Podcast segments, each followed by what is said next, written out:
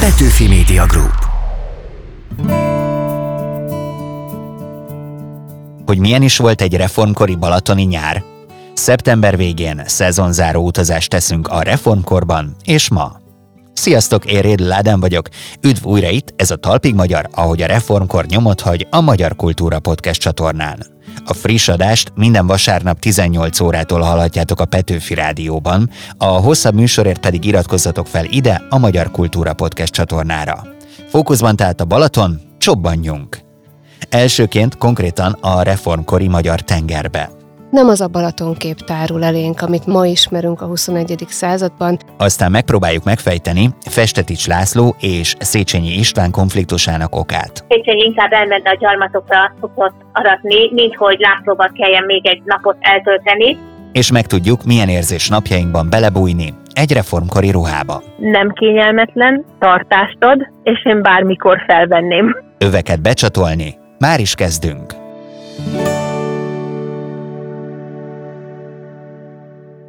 Így szeptember végén már teljesen lezárjuk a balatoni fürdőszezont, bár az indián nyár még hagyhat kiskapokat a bátraknak. No de hogyan alakult ki a Balaton, mint fürdő és nyaralóhely? Többek között erről is beszélgetünk dr. Kovács Emőke történésszel, aki több mint két évtizede kutatja a tó történetét, és a 19. századi Balatonnak egy külön kötetet is szentelt. Emőke, szeretettel köszöntelek! Köszönöm a meghívást, és üdvözlöm a hallgatókat! Induljunk onnan, hogy mi történt a Balatonnal a 19. században, hogy ez egy külön könyvet is érdemelt.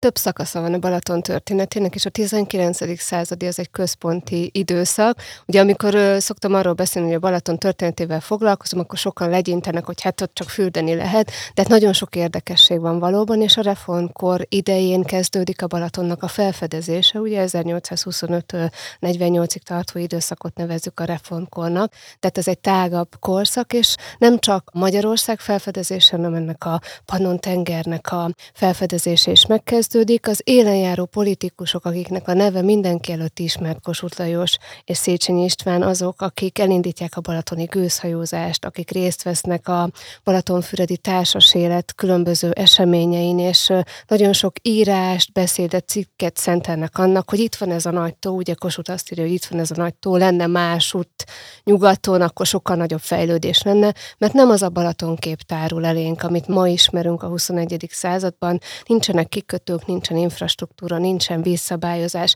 nincsen az az épített környezet, nagyon sok mindent ebben az évszázadban hoznak létre. Na akkor ezt nézzük meg, tehát hogyan képzeljünk el egy ilyen virtuális idegenvezetést a Balatonon? Voltak akkoriban már ott nyaralók, akik gyakorlatilag csak strandolni, fürdőzni mentek le, vagy inkább az ilyen reformkori beszédek, illetve költemények, műalkotások szempontjából fontos. Szóval nézzük meg, hogy miként alakultak a tó körüli hullámok a 19. században több összetevő van, és több vonalon lehet elindulni. Egyrésztről a korszak emberei nem úgy fürödtek, illetve nem is fürödtek. A Balaton vonzerejét nem a Balaton adja az 1800-as évek elején, hanem azok a települések, amelyek ebben az időszakban fejlődnek, ilyen keszthely, ahol a festetiseknek a keszthelyi uradalma elkezd nagyon szépen virágozni, Festetés György neve, akit azt hiszem mindannyian ismerünk, és a keszthelyi Festetics kastély, ahonnan elindul egy nagy gazdasági és kultúra kulturális fejlődés, ez az első gócpont a Balatonnál. A második Balatonfüred, ahol a korabeli arisztokrata családok és az ő baráti társaságok megjelenik, és Fürednek van egy nagy előnye, az a füredi savanyú víz, ami gyógyító erővel rendelkezik, és amiről a források már a középkor óta írnak, hogy különböző belső bajokra, de kátfürdőként is alkalmazzák, és ez adja az első lökést a Balatonnak. Na jó, de hogy lehet lejutni a Balatonhoz ugye ebben az időszakban Füredre. Füredre a reformkor idején, az 1820-as, 30-as években váltott lovakkal lehetett Pest-Budáról eljutni Kenesére, onnan pedig Balatonfüredre. Nagyon hosszadalmas és nehézkes időszak volt, és akkor jön Kossuth és Széchenyi, akik azt mondják, hogy hát gőzhajó kell ide a tóra. És akkor így lesz 1846-ban elindul az a kisfaludi gőzös, ami aztán évtizedekig szeli a Balaton hullámait, és ez a kisfaludi gőzös már a nevé, neve kapcsán is és ugye sok mindenre gondolhatunk, hiszen egy irodalmi alkotóról van szó, vagy egy íróról, Kisfródi Sándorról kapja a nevét, aki egyébként már az 1820-as, 30-as években csodálatos balatoni regéket ír. Tehát azért utaltam az elején arra, hogy több szálon kell elindulni, mert párhuzamos történetek vannak. Megszületik a vidéknek a tájirodalma a kisfaludi jó voltából, megépülnek az első villák, megépülnek az első olyan épületek, amik az épített örökség színvonalát emelik, aztán kezd majd az 1860-as években az a klasszikus fürdőkultúra kialakulni, aminek nagyon sok esetben nyugati mintái vannak, és majd ez nyúlik, és gyűrűzik végig a 20. századra. Mondtál valamit, ami nagyon felkeltette az érdeklődésemet. Ez a váltott lovas lejutás elég bonyolultnak hangzik, illetve azt hiszem, hogy költséges is. Szóval elnézést az asszociációmért, de ebben a korban is elmondható volt, hogy nekem a Balaton a Riviera? Igen, ez egy költséges és nagyon nehézkes, és valóban csak inkább a tehetősebb társadalmi rétegek engedhették meg maguknak, és ez is egy olyan első szakasz, ami után arról beszélhetünk, vagy az a folyamat kezdődik meg, amikor a Balatonnak az ismertsége vagy látogatottsága kicsit kiszélesedik, hiszen a gőzhajójárat, aztán majd 1861-ben a déli vaspályának a megépülése, ami egy hatalmas lökést ad ennek a vidék fejlődésének, azt eredményezi, hogy egyre többen tudják elérni a Balatont, és lényegében majd ekkor válik a 19. század végére egyfajta rivieraként, bár azt hozzá kell tennem, hogy azért majd az osztrák-magyar monarchia idején, 1867 után nagyon sok olyan, a monarchiában olyan magasati üdülőhely van, és egyéb turisztikai célpont, ami egy kicsit el is vesz a Balatontól. A Balatonnak az igazi nagy fénykora majd a trianoni békediktátum után következik, amikor egyetlen egy nagy tóként marad meg Magyarországnak. Azon kezdtem gondolkodni, hogy a szabadságharcban mi történhetett a Balatonon, mert hogy így a híresebb ütközetek között szerintem egyáltalán nem szerepel balatoni csata. Nem tudom, hogy mi volt ott 1848-49-ben. Annyira nem érinti a tóvidékét, természetesen kisebb lokális események vannak, és a Balatonfelvidéki nemzetőrök nagyban részt vesznek a 48-49-es csatákban, és több nemzetőr is a Balaton vidékére vonul majd vissza 1849 után a szabadságharc leverését követően, amit viszont kiemelnék, hogy 1848 egy központi dátum a Balaton történetében, mert ekkor jelenik meg Garai Jánosnak, az Opsitos szerzőjének a Balatoni Kagylók című költeményfüzére, ami az első balatoni verses kötet, és amiben a tónak a fejlődéséről, a tó regéiről, értékeiről, gasztronómiai jellegzetességeiről kapunk egy nagyon szép leírást versekbe fűzve, és ez a Balatoni Kagylók egyébként a mai napig egy nagyon jó forgatható kis kötet, szeretettel ajánlom mindenkinek azt lehet tudni, hogy ilyenkor ősszel és télen egy picit kihaltabb a táj, bár ezért télen jönnek a korcsolyázók, de mi történt egykoron ilyen tájt a Balatonon? Igen, a négy évszakos Balaton, ami most nagyon népszerű, ennek a terve egyébként megjelenik már a 19. század végén, sőt a szezon nyújtás, mint olyan fogalom vagy terminus szintén jelen van a különböző újságcikkekben, általában a balatoni szezon a 19. század második harmadában, amikor arról a fürdőkultúráról beszélhetünk, amikor már hotelek vannak, villák vannak, hírességek járnak a Balatonhoz. Akkoriban a szezon május 15-ével kezdődött, vagy a pünkösdi időszak táján, és szeptember elejéig tartott. Aztán a későbbi időszakban, a két világháború közti időszakban nagy hangsúlyt fektettek arra, hogy a téli Balatont is népszerűsítsék, és különböző téli sporttevékenységekkel, a téli halászat látványosságainak a bemutatásával, vagy nemzetközi, vagy téli sporthetekkel ezzel is próbálták emelni a Balatonnak az évközbeni látogatottsági arányát. Tehát mindig volt ilyen törekvés. Akkoriban azért rendesen befagyott, nem? Tehát nem az volt, mint most, hogy félni kellett attól, hogy bereped alattam. Ez egy változó, tehát ugye mi azt gondoljuk, ugye, hogy régen minden teljesen más volt. Ugyanúgy voltak olyan időszakok, amikor sokkal melegebb volt a tél, és az 1930-as, 40-es években voltak a legnagyobb telek, amikor akár hónapokig összefüggő jégtakaró borította a Balatont, és nagyon sokszor ilyenkor a két part között valóban országutak nyíltak, ugye? Ötvös Károly, aki a Balatonnak a nagy írója, már a 20. század elején, 19. század végén lejegyzi, hogy országutak nyíltak a Balatonon, a téli Balatonon, téli Balaton jegén, és hát ehhez kapcsolódtak aztán a különböző téli balesetek, amik nagyban meghatározták a híradásokat ebben az időszakban. Itt már említettük az irodalmi vonatkozást, de egy kicsit még beszélgessünk erről, hogy mikor és milyen művészek fedezték fel a Balatont, és vannak-e kifejezetten meghatározó, ide köthető alkotói korszakaik? Igen, azért fontos egy vidéknek az irodalma, mert onnantól fogva él egy vidék. A különböző képzőművészeti vagy elsősorban festészeti alkotásokban való megjelenés a vidéknek a felértékelődését is jelenti. Itt már utaltam Kisfaludira vagy Garai Jánosra, aztán jönnek a 19. század második felének nagy alkotói, mint Jókai Mór, aki már nyaralót vásárol Balatonfüreden.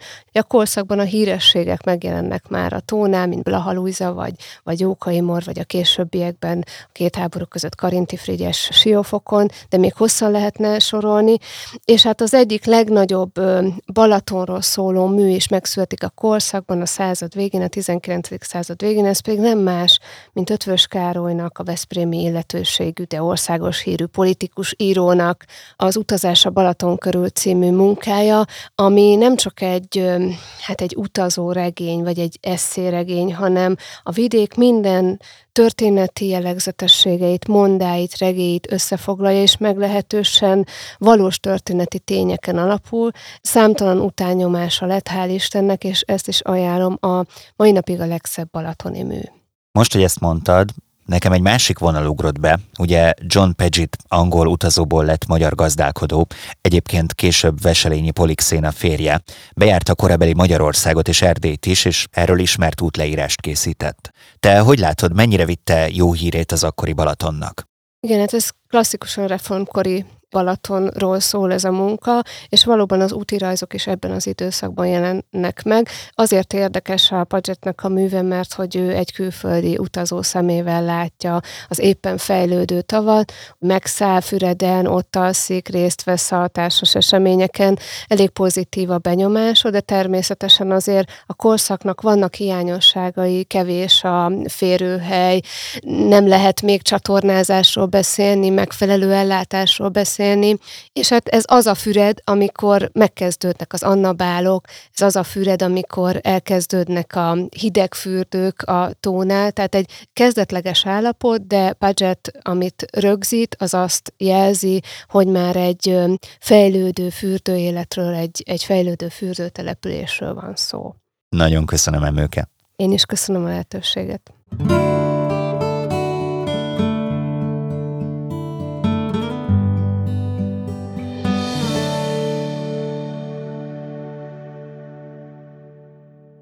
A reformkori balatoni szezonzáró körutazásunkat helyen folytatjuk.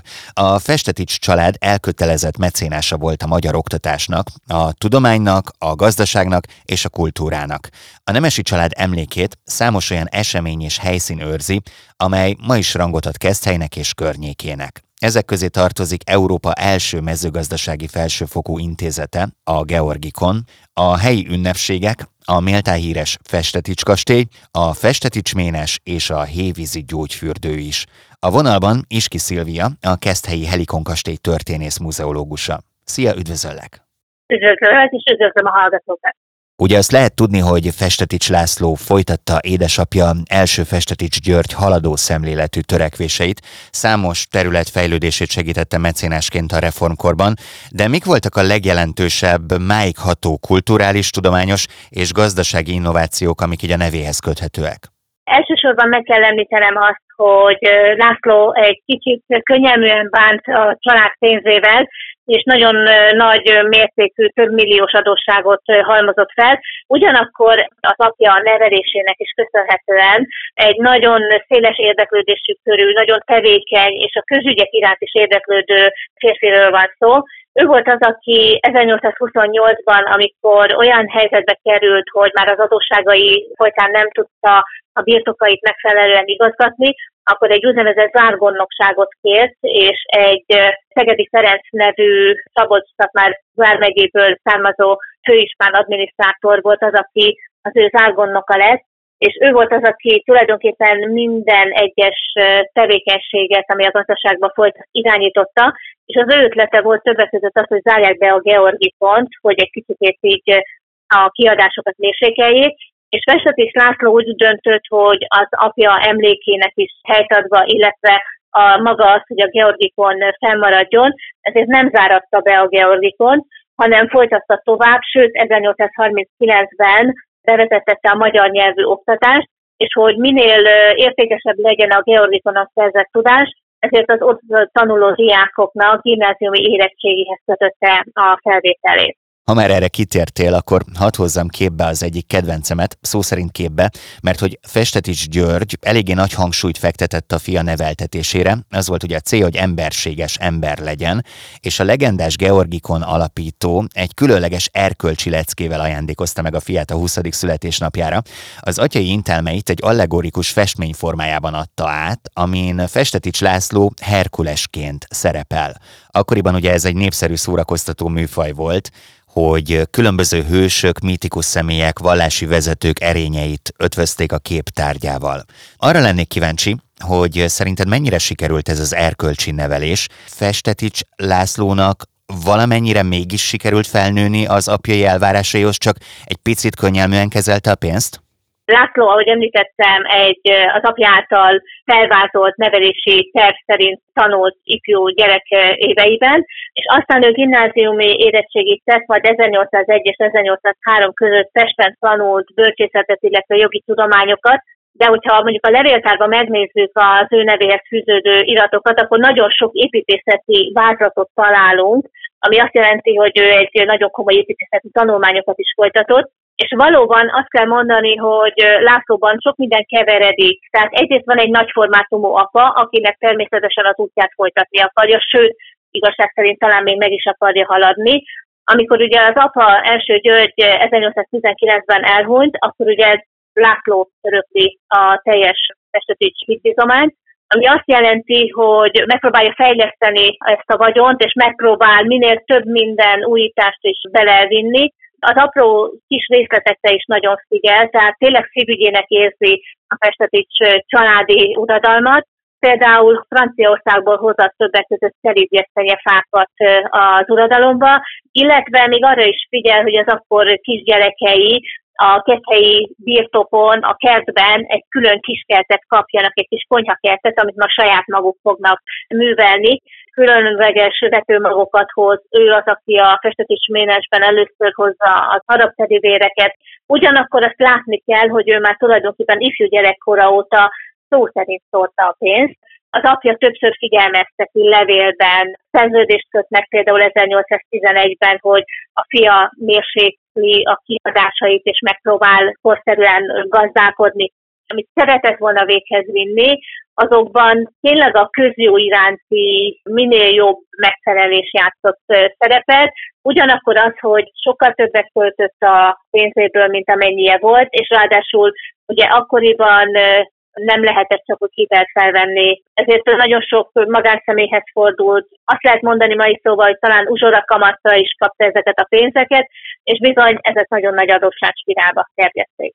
Nézzünk egy másik vonalat, mert hogy azt gondolnám, hogy Festetics László és Széchenyi István elválaszthatatlanul imádják egymást, hiszen egyrészt ugye unokatestvérek voltak, Széchenyi édesanyja Festetics Júlia volt, másrészt pedig László rendszeresen támogatta István projektjeit. Mégsem volt felhőtlen a két nagy formátumú magyar kapcsolata, és érdekel, hogy milyen konfliktus húzódott meg a háttérben. Gőzhajó versus vitorlás?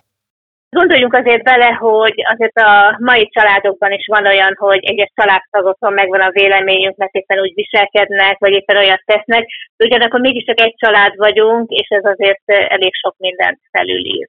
Tudni kell ugye mind Széchenyi Istvánról, mind Festetis Lászlóról, hogy nagy formátumú apák gyermekei voltak. Ugye Széchenyi István esetében Széchenyi Ferencről kell beszélni, aki ugye a Magyar Nemzeti Múzeumnak volt a megalapítója, László esetében pedig ugye a Georgikon alapító, vagy éppen a Helikon ünnepséget létrehozó Festetis első György.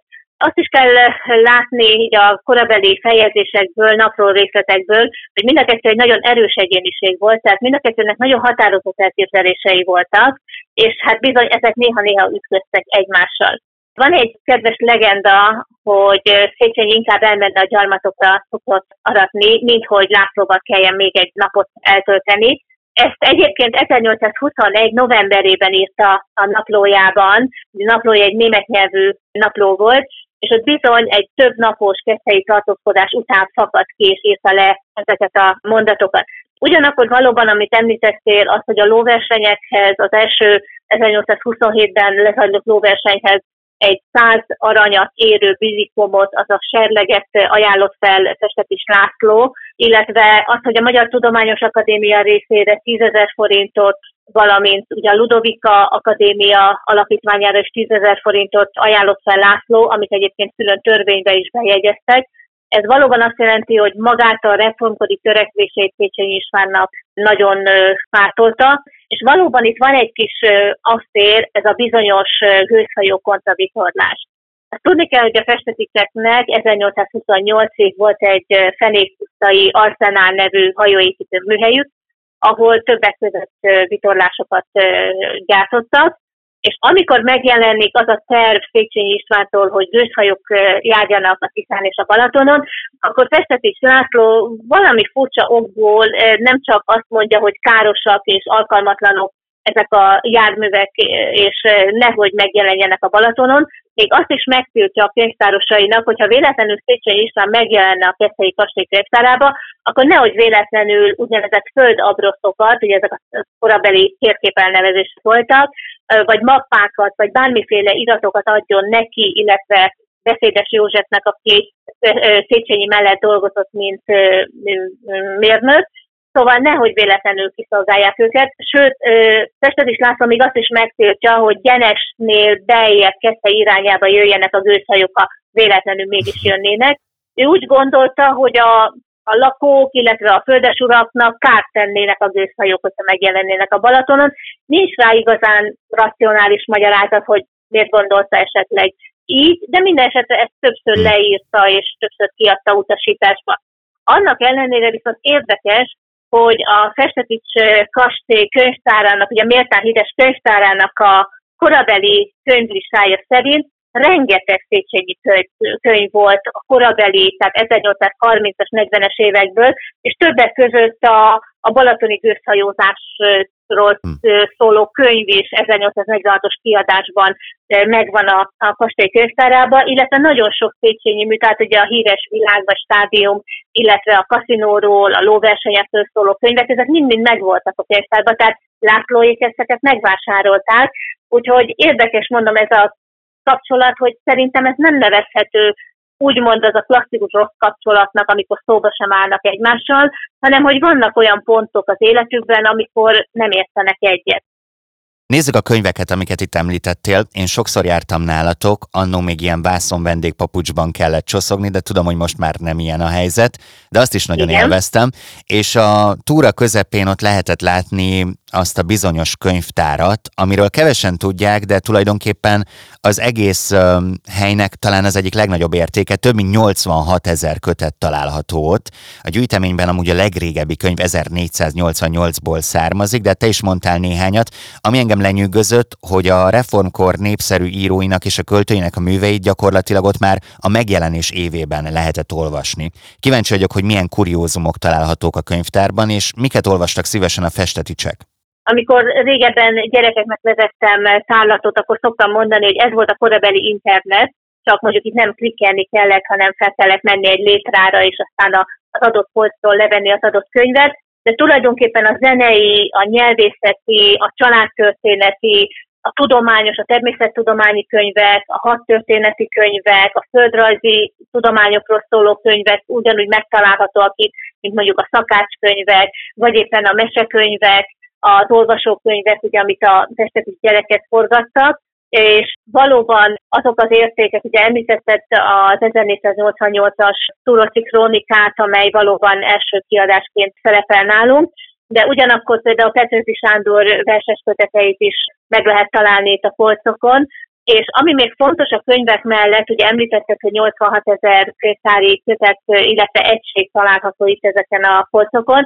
Ide tartoznak az újságok is, a folyóiratok is, és az nagyon fontos, hogy a, a korabeli újságok, tehát például a Pesti Hírlap, ugye, amit Kossuth Lajos szerkesztett a reformkorban, de itt vannak többek között ugye a, a regélő, ami az első ilyen magyar szépművészeti folyóírás volt, ahogy korábban hívták, vagy éppen a Nemzeti Újságot, ahol hazai és külföldi tudósításokat adtak, vagy a tudományos gyűjteményt, amelyben a korszak legjelentősebb tudományos felfedezései vagy írásai kaptak helyet, vagy éppen itt van a Pesti Divatlap is, ugye, amelyben egykor megjelent Petőfi Sándornak a János idéze. Én egy nyári tábor szervezőjeként rengeteg időt töltöttem helyen, de megint tanultam újat. Nagyon jó volt gondolatban leutazni veled. Szilvia, köszönöm, hogy segítettél ebben. Szívesen.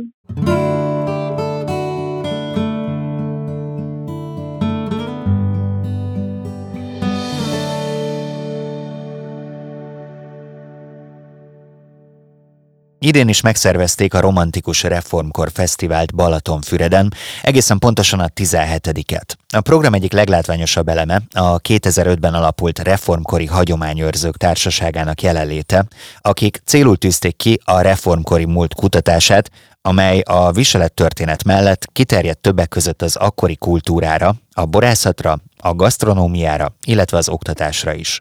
A vonalban a Reformkori Hagyományőrzők Társaságának alelnöke Mészár Alíz. Szia, üdvözöllek! Én is üdvözöllek! Muszáj megkérdeznem tőled, hogy egy komoly felnőtt ember miért imádja a jelmezes bulikat? Valószínűleg ez már a gyerekkorból maradt vissza.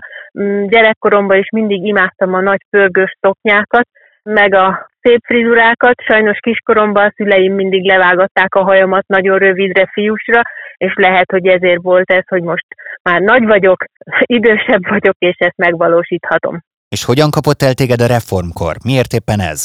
Mikor Balatonfüredre kerültem, többször is láttam, hallottam, olvastam a reformkori hagyományozók társaságáról, és mint mondtam, mindig imádtam ezeket a nagy pörgő szoknyákat, a nagymamám az a Nádasdi kastélyban volt konyhalány, és lehet, hogy ez, ez is hozta nekem ezt a nem tudom, ezt az indítatást, hogy én ezt, ezt így megvalósítsam, hogy beöltözzek, és részt vegyek itt a Reformkori Hagyományőrző Társaságnak a munkájában. Gondolom, hogy a nagymamád mesélt neked történeteket. Valami megmaradt, amit itt szívesen megosztanál velünk?